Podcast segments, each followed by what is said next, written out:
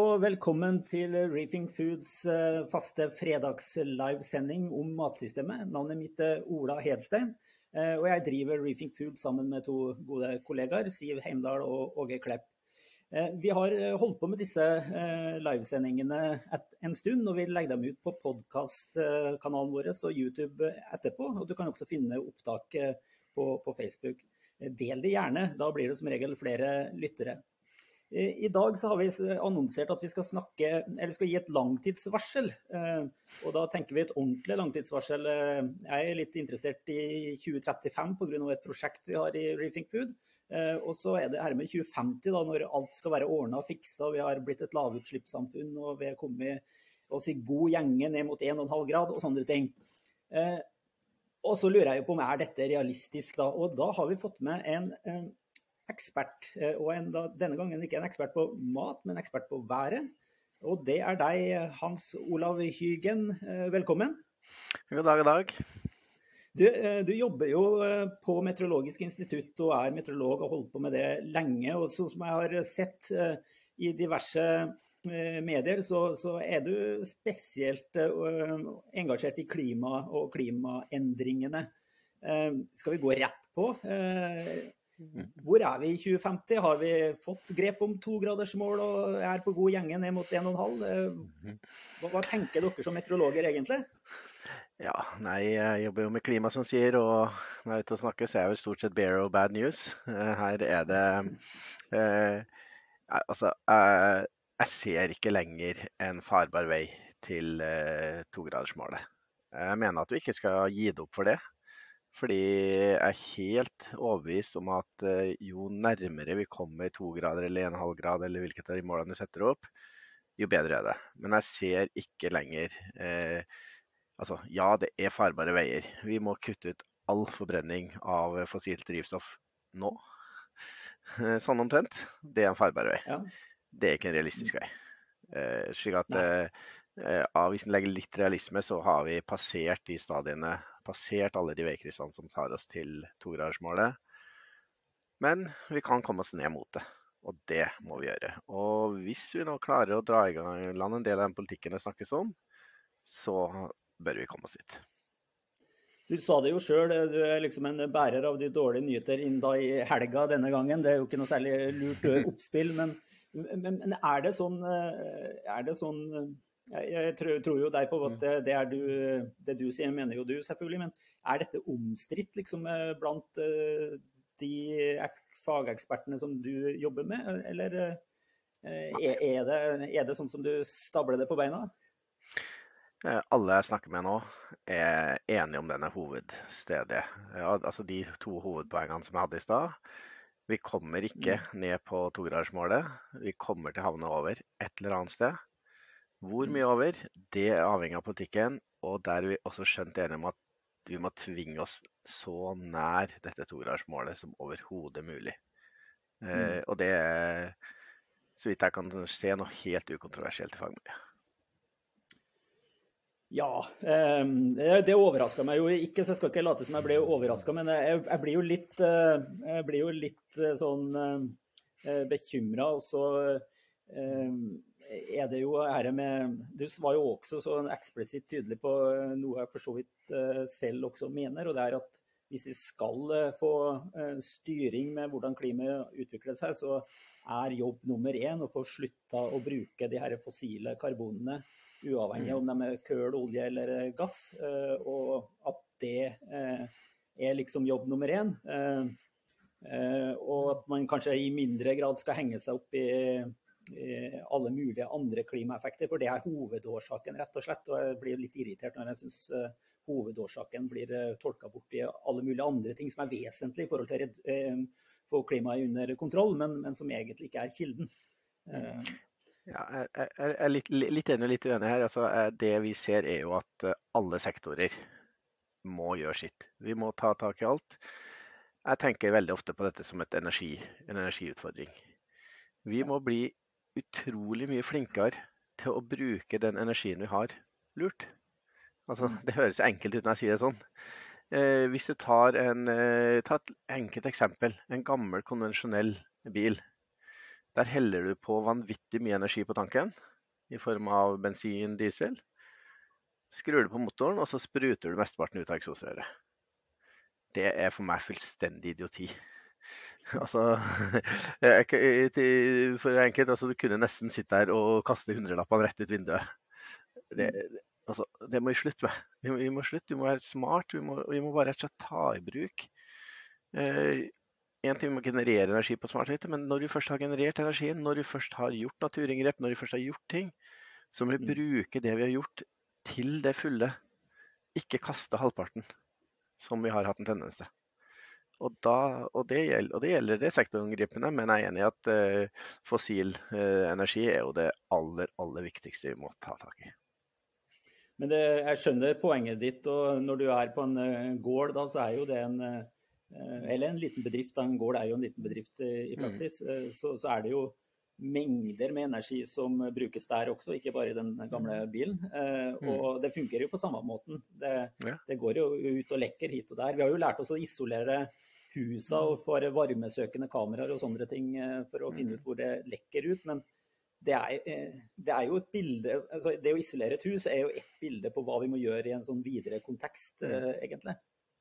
Men, ja, det, det er et veldig godt og enkelt tiltak. Isoler altså, ta vare på den energien, styr energien dit du trenger den ved lur bruk av isolasjon og ventilasjon. Og, altså, det finnes så mye teknologi der ute. Det gjør det. og Det er ikke det at vi trenger å finne opp eller skape all ny teknologi heller. Det handler jo om å evne å bruke det vi faktisk allerede har eh, funnet opp, og gjøre det mm. kommersielt eh, lønnsomt å bruke. Eh, men du Hans Olav, la oss vende litt mer tilbake til, til klimaet. Hvis jeg husker rett nå, så, så beregner man at temperaturen har gått opp litt over en grad per i dag. Stemmer det? ja? For Norge så stemmer det. Eh, verden så ligger vi sånn nær graden. Litt, sånn, nær litt etter hvordan det regner. Men hvis vi sier størrelsesorden en grad i verden, og så litt mer i Norge, så er vi omtrent der vi er.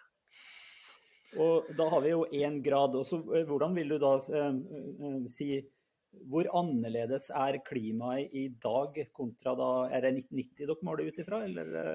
Nei, vi, Førindustriell tid det er liksom det begrepet som brukes her. og Da, da sikter jeg sånn rundt 1850 en sikter på. Eh, på med, I Norge så har vi egentlig bare god oversikt fra 1900 og fram til i dag. Mm. Eh, og vi har eh, altså Det finnes jo masse indikatorer, men nå er det på vinteren, og da er det jo nærliggende å begynne å se på snøen. Mm. Uh, og vi kan jo ta et veldig enkelt eksempel som jeg bruker ofte, for det jeg synes illustrerer situasjonen. Uh, på Bjørnholt inne i Nordmarka utenfor Oslo så har vi en målestasjon som har over 100 år med serie.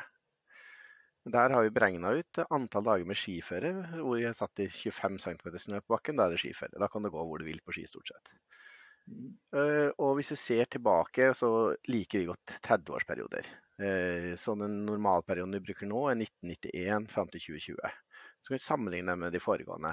Den forrige, da selvfølgelig 61 til 90, da var det en sånn 137-140 dager i året med skiføre inne på Bjørnholt. Nå er vi litt under 100. Vi har mista en måned snø. Ja. Og dette er ikke unikt for Bjørnholt, dette er et mønster vi ser igjen Eh, spesielt over store av lavlandet i Norge. I fjellet er det litt annerledes. Har vi faktisk fått litt økning i snø pga. økning i nedbør. Så vi har mista til snø.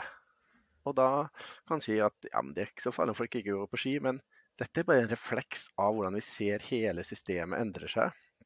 Fra mm. et kaldere klima som vi hadde før, til et varmere klima som vi har nå, og til et enda varmere klima som skal komme.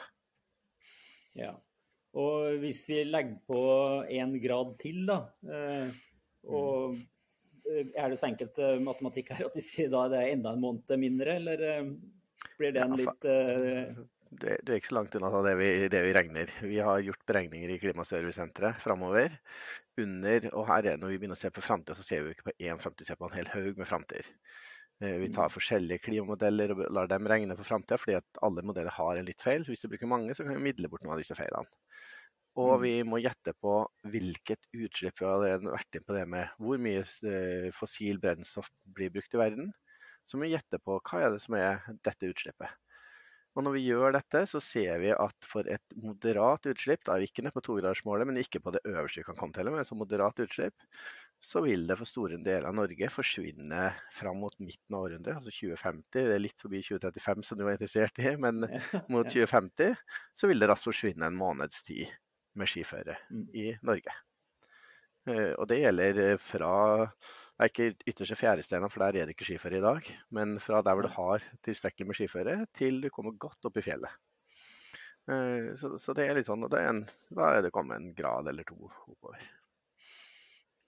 Jeg, nå ble jeg glad for at jeg kjøpte meg hytte for noen mange år siden det, som legger nesten på 1000 meter på Vennebygdsfjellet. Der, der, er det litt håp for at det i hvert fall blir noen skiturer, da kan jeg gå ut ifra.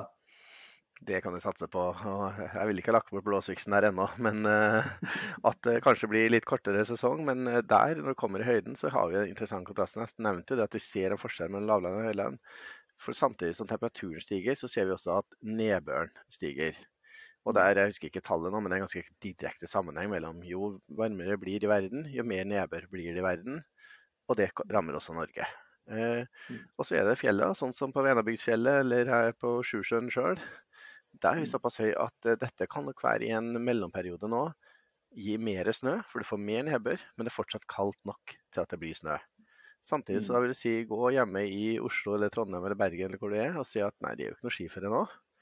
Og så kommer du deg på fjellet, og så bugner det med snø i nesten så mye som du aldri har sett før. Det er en sånn mm. kontrast vi ser som blir sterkere i Norge. Men eh, hvis vi i snøen så er det ikke mulig å dyrke så veldig mye mat. Eh, det funker dårlig. Da må vi i hvert fall være innomhuses eh, og mm. bruke eh, energi til å lage varme og sånt der. Mm-hmm. Men i 2035, da, årsaken jeg er opptatt av 2035, er at vi holder på med et slags scenariearbeid hvor vi skal prøve å beskrive hvordan ser det ut for matproduksjon når en del rammebetingelser er endra som konsekvens av disse bærekraftsmålene og klimamålene som er satt mm. rundt 2030. Eh, fantastisk morsomt arbeid. Eh, og eh, da må vi vel også ta og gjøre oss noen betraktninger rundt, mm. rundt det klimaet som vi har i 2035. Mm. Hva vil du si som vi spesielt bør legge merke til i en sånn drøy tiårshorisont? da? Det første er jo at det vil ikke bli så veldig forskjellig fra i dag. Det vil bli litt varmere i gjennomsnitt. Eh, litt varme somre vil komme. Vi vil få en litt utvida vekstsesong, og det er sikkert mange som jobber med jorda liker. Og så kommer jeg da med mine dårlige nyheter, som alltid pleier å gjøre når jeg har gitt litt godsaker. Eh, og det er jo at eh, sammen med dette så ser vi også at ekstremnedbøren øker. Så vi vil ha litt hyppigere de kraftige bygene som kommer. Og for å virkelig gjøre det vondt for enkelte, så kan du risikere situasjoner eh, mer at du har type tørkeperioder. Og så kommer det som blir avbrutt av en kort, kraftig byge. Og da vet jeg fra samarbeid med deg og andre i landbruksverdenen at eh, det er vel omtrent det verste jeg kan si til folk. Eh, fordi at da får du stor markavrenning, og du får problemer med det. Og du har ikke vann i de sårbare såperiodene og alt det der. Og så har du plutselig masse vann, kanskje akkurat når du skal ut og jobbe videre. Så det, det er ikke en god kombinasjon. Så det kan vi risikere. Det vil også være skal si, helt vanlige somre. Helt flotte somre. Mm. Sikkert somre som du får kjempeavlinger. Og andre somre som du vil slite, sånn som nå. Men variabiliteten vil kanskje legge seg litt mer mot varm og tørke og ekstremnedbørsida. I forhold til det er mer jevne været, som jeg vet ofte kan være gunstig i mye jordbruk. Så eh, det eh, Hovedtegn her er at eh, det er en viss normalitet, uh, egentlig. Uh, mm. Det er ikke så ulikt det vi, vi, kjenner til. Vi vil kjenne oss igjen hvis vi tok og hoppa rett inn i 2035, så ville vi ikke bli mm. slått i bakken, egentlig. Uh, men så er det mer uforutsigbarhet rundt været pga. disse mm. endringene i, i klimaet, som mm. i hovedsak gir seg utslag i i tørke og ekstremnedbør, og da i verste fall en dårlig miks av disse, disse sammen. Eh, det betyr jo Ja. Jeg skal si Det har vi også sett på global basis. Det er forskere hos oss som har liksom regna hvor mye regner det på én dag i verden. og hvilket areal i verden det regner. Vi ser det går opp i hvor mye som regner, og så ser vi at arealet krymper. Og det går akkurat inn i det mønsteret som du trekker opp her nå. Kraftig nedbør og tørke om hverandre. Men, men, så er det jo Én eh, ting er jo matproduksjon i, i Norge, mm. eh, men du har jo også altså Det viktigste matproduksjonen er jo i alle andre land enn Norge. Eh, vi betyr mm. jo pent lite med det lille eh, arealet vi har til, til slikt. Men eh, det er så når det er over 50 grader i India og Spania, og nå vet jeg ikke mm. hvordan været har vært i dere kornkammeret vårt hvor de driver og kriger om dagen, men mm. eh, det går jo ikke an å drive eh, vanlig landbruk i 50 varmegrader. Er, er, det, er det noe som kan forsterke seg vesentlig, eller var det sånn blaff vi så nå i fjor at eh, det skjedde da, så skjer det kanskje igjen om ti år? Men hva, hva kan man si om sånt? Mm. Nei, det er akkurat det som dessverre ikke er et blaff. Eh, jeg skal ikke si at det blir 50 grader noe sted i år, men i løpet av neste par årene så kommer det til å være en ny plass for 50 grader. Eh, sånn er det. Ja. Eh, nå har jeg tilfeldigvis gjennom jobben mye kontakt med gruppeforskere i Bangladesh. Og alle husker jo den forferdelige flommen som var i Pakistan i sommer. Først hadde du hetebølger i området, så hadde du heftig flom i Pakistan. Samtidig som du hadde flom i Pakistan, så hadde du feila monsun i Bangladesh. Så, den, så, da hadde du den ekstreme skjevfordelinga der. Selvfølgelig, dette var en ekstrem hendelse. Eh, så finnes det en forskergruppe, en internasjonal gruppe som heter World Weather Attribution, som jeg har begynt å følge en del, som er veldig interessant. For de tar disse store hendelsene. De tar flommen i Pakistan, de tok tørken i Europa i sommer. De tok disse store hendelsene, og så så de på er det, altså finnes det menneskelige fingeravtrykket her?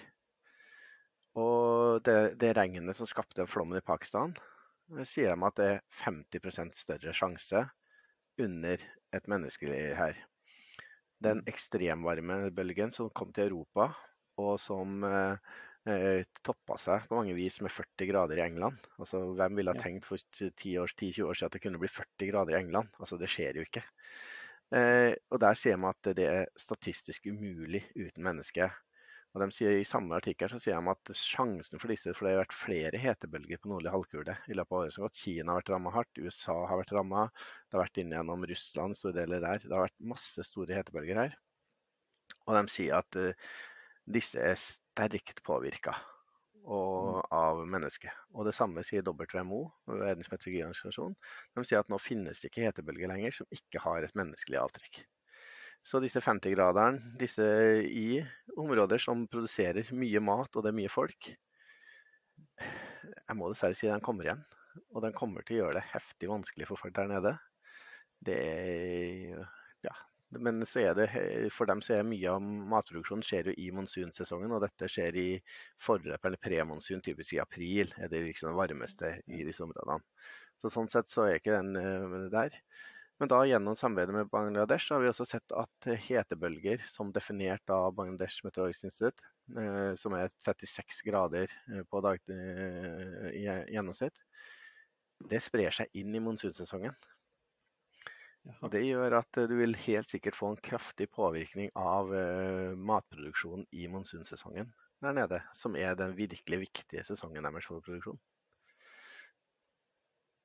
Så, det, det var nesten, Nei, det var ikke det fikk meg til å tenke. Altså, jeg, jeg, liker jo å tro at jeg følger med litt på, på mm. sånne ting, men uh, det er jo sammenhenger her som du drar opp nå, som Eh, som er rett og slett å si at håret reiser seg litt på armene når, når, du snakker. Mm. Eh, for, for, det mm. betyr jo at uh, den, den, uforutsigbarheten som vi snakka om i sted, om i Norge i 2035, uh, at det blir liksom våtere, villere og tørrere, det, det, er ikke unikt norsk. Det skjer også de andre stedene. Og mm. hvis du begynner å rokke ved de store, vesentlige produksjonssystemene der hvor du virkelig har mye folk og avhengig av å lage mye mat, så, så, så, vet vi jo litt for mye om eh, hva det fører til hvis tilgangen på, på mat blir eh, vesentlig svekka. Mm. Og, og, vesentlig her, det er jo ikke mer enn en 10 eh, det, så er det jo vesentlig svekkelse i, i matforsyning i, i, i, sånne områder. Eh, mm. Så den herre generasjonen uh, som kommer etter oss, de, de får sitte og slite med, da. De skal få mye å jobbe med. Og, det, og så er det jo en, også en sannhet som ligger oppi her, som mange trekker fram når jeg snakker om flom i Pakistan, altså at det er dårlig infrastruktur. Og det er det. Dette er jo et områder med mye folk, ekstrem matproduksjon og tilsvarende svak infrastruktur. Så sårbarheten er ekstra stor for denne type variabilitet. Og de har også en lavt, uh, lavt utbygd sosialt uh, sikkerhetssystem. Altså Norge har jo et ekstremt velutbygd sosialt sikkerhetssystem. De har et mye svakere Så det, det, er en sånn både fysisk og institusjonell sårbarhet i disse områdene som uh, er litt skremmende å se. Men i den grad, eh, Hans Olav, eh, det går an å spørre deg eh, om sjølve akkurat matproduksjon. Med, den oppfattelsen du har, og noe kjennskap til matområdet har du. Som du nevnte, så har vi jo mm. samarbeida på noen prosjekter opp gjennom åra. Mm. Og da tenker jeg ikke spesifikt egentlig på, på Norge som sådan, her, men mm. hvis du skulle gitt en anbefaling til Eh, til eh, Sondre som meg og andre som jobber med, med, mat og matsystemer i nasjonal og internasjonal sammenheng. Eh, hva er det du håper at vi spesielt er opptatt av? Ja, det er jo de store spørsmålene som Eller små spørsmål med stort innhold. Nei, ja. altså, du sa jo sjøl, jeg kan jo ikke dette, jeg er ikke ekspert på dette. Men det vi ser, er jo den systemsårbarheten som er ute og går her. Og jeg mm. tenker at det er en ting som verden må ta tak i. Eh, se på forsyningskjeder, se på hjemmeproduksjon av mat. Se, og, og, lagring kommer jo inn på dette. Hvordan skal vi håndtere Holder det med den just in time production som det ligger veldig tungt i dagens systemer? Eller må vi prøve å tenke litt mer buffer? Eh, jeg har ikke svar på dette, jeg bare stiller litt spørsmål nå. Men jeg tenker at uh, vi ser at uh, du har, som vi nettopp har nevnt, av disse områdene i Sørøst-Asia som er sårbare. Du har tilsvarende har du jo i Midtvesten i USA. Når det var for en 100 000 år siden så var det litt varmere enn i dag. Da var det ørken i Midtvesten i USA, som er egentlig et mm. gedigent kornkammer alt sammen. Man ser jo de her ville bildene av uh, skurtreskere og en eh, monstersjø, så det er liksom 30 stykker i bredden som bare kjører bortover endeløs prærie. Uh, det er ganske tøffe bilder, men dette er et område som hvis du graver deg gjennom topplaget der, så kommer du ned til ørkensand. Eh, og så er det Amazonas. Hva skjer i Amazonas? Eh, klarer Amazonas å opprettholde Amazonas er såpass sterk nå at den nærmest har sitt eget klimasystem. Eh, med fordampning og alt det som foregår der nede.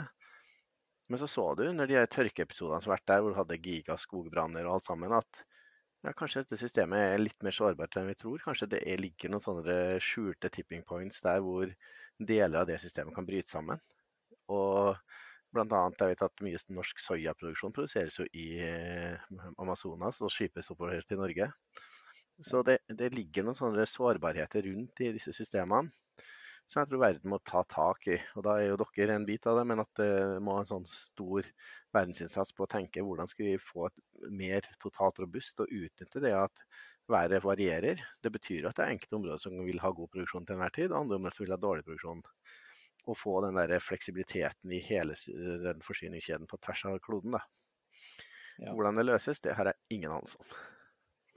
Nei, det skal du slippe å gjøre. Men, men det å si, bidra til å stille diagnosen ut ifra et, et, eh, klimainnsikt eller klimakunnskapsområde, det, det, er jo nyttig. Og hvis jeg prøver å summere opp uh, egentlig det vi har snakka om uh, hele veien her, så, så er det den uh, Eh, uforutsigbarheten på større og mindre endringer som, eh, som, eh, det er verdt å bite seg fast i. Og når det er uforutsigbart, så betyr det jo at da må du planlegge for å takle uforutsigbarheten. Og da mm. blir jo beredskap og buffer noe som du trekker inn. Og så har du nevnt den avhengigheten vi har i avhengigheten vi har av arealer veldig langt borte i forhold til ingredienser eller rett og slett også råvarer. Eh, at eh, det er en eh, mulig faktor å, å se på.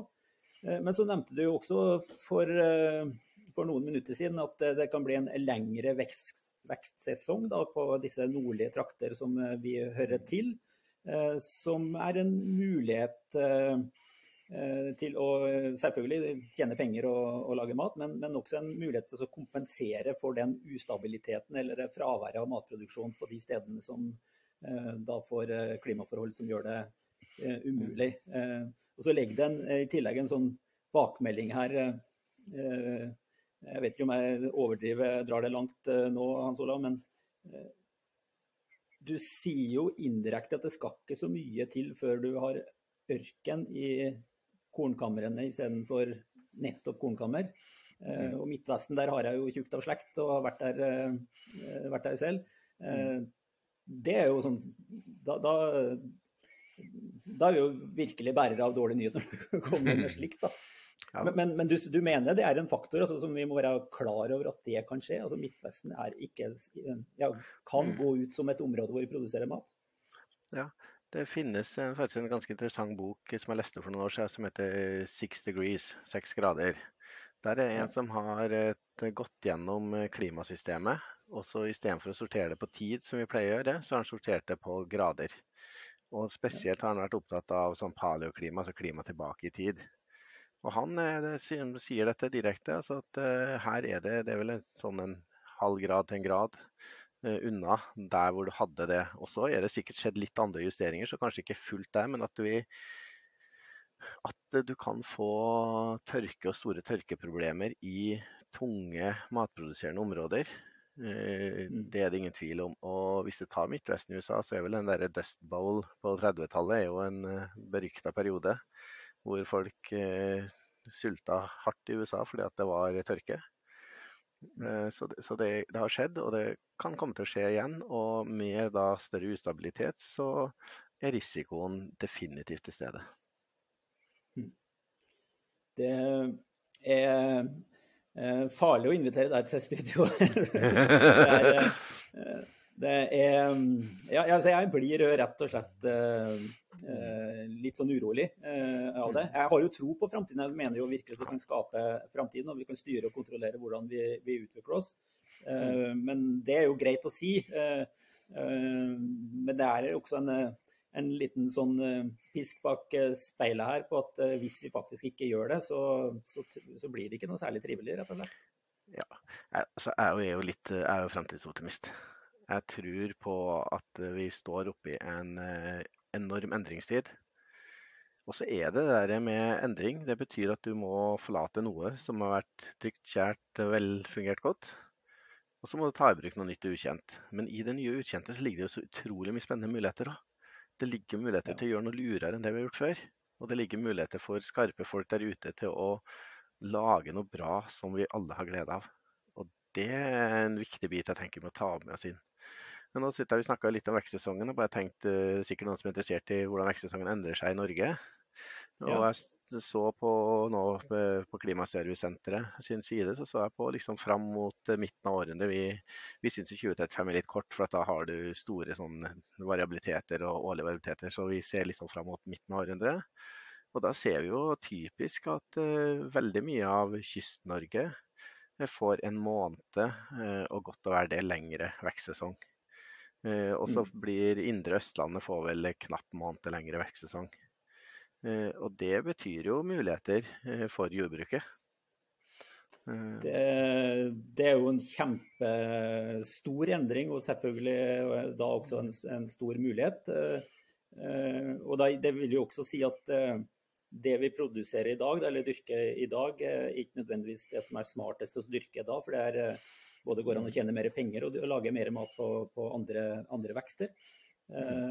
Så jeg, tror vi må begynne å runde av rundt det, for det var jo, det var jo litt sånn optimisme i at uh, for, for uh, alle som er opptatt av matproduksjon, så, så er det klimaendringer på gang. og da bør du drenere åkeren din og sørge for å håndtere overvann og slike ting. Men det ligger også en mulighet til å tenke nye produksjoner og lengre produksjonsperioder. Mm.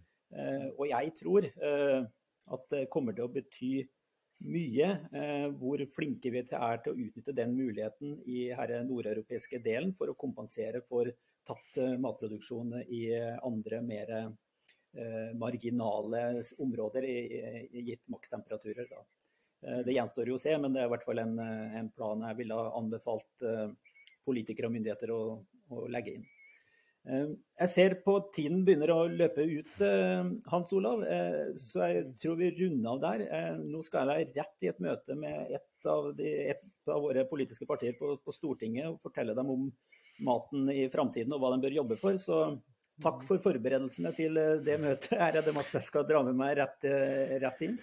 Ja, lykke til, og det blir spennende å se hva vi får til framover.